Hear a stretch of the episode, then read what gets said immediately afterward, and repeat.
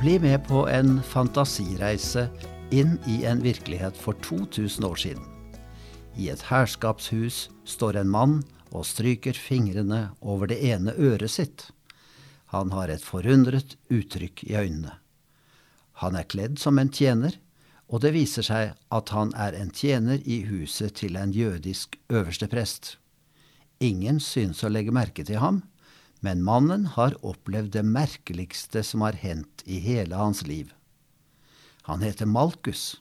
Av en eller annen grunn ble han bedt om å delta i en stor gjeng som skulle arrestere en mann som het Jesus. De hadde dratt av sted som en raggete flokk med fakler, sverd og klubber. Noen soldater og andre langt fra det. Markus hadde ordre om å slutte seg til dem. Hvem skulle de ta til fange? De møtte en liten flokk av redde menn som nettopp hadde våknet. Midt iblant dem sto en åndelig lærer som var kjent for å kunne helbrede folk. Malkus la merke til en skremt fisker med et sverd. Han svingte det vilt omkring seg for om mulig å jage bort dem som var kommet for å ta til fange. Malkus føler en sviende smerte. Øret hans ligger plutselig på bakken.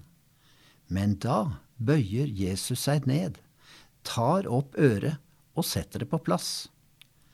Hadde Jesus tenkt at han i det minste skulle helbrede én mann før han skulle dø bare noen timer senere? Helbrede en av fiendene sine? Malkus sto forundret i øverste prestens hus og strøk seg over øret som var så fullstendig helbredet. Ble Malkus etter hvert en kristen? Det er ikke usannsynlig, for Johannes, som forteller om det som hendte, kjenner navnet hans. Malkus kunne i alle fall ikke glemme den forunderlige mannen Jesus. Han ble arrestert av en bande som ikke ville ham vel. De ble med i et stort komplott for å rydde Jesus av veien. Men det første Jesus sa på korset, var disse ordene, Far, tilgi dem, for de vet ikke hva de gjør. Malkus visste knapt hva han hadde vært med på, men Jesus helbredet det øret som var ødelagt av den fremste disippelen Peter. Malkus lærte Jesus å kjenne på en aldeles merkelig måte.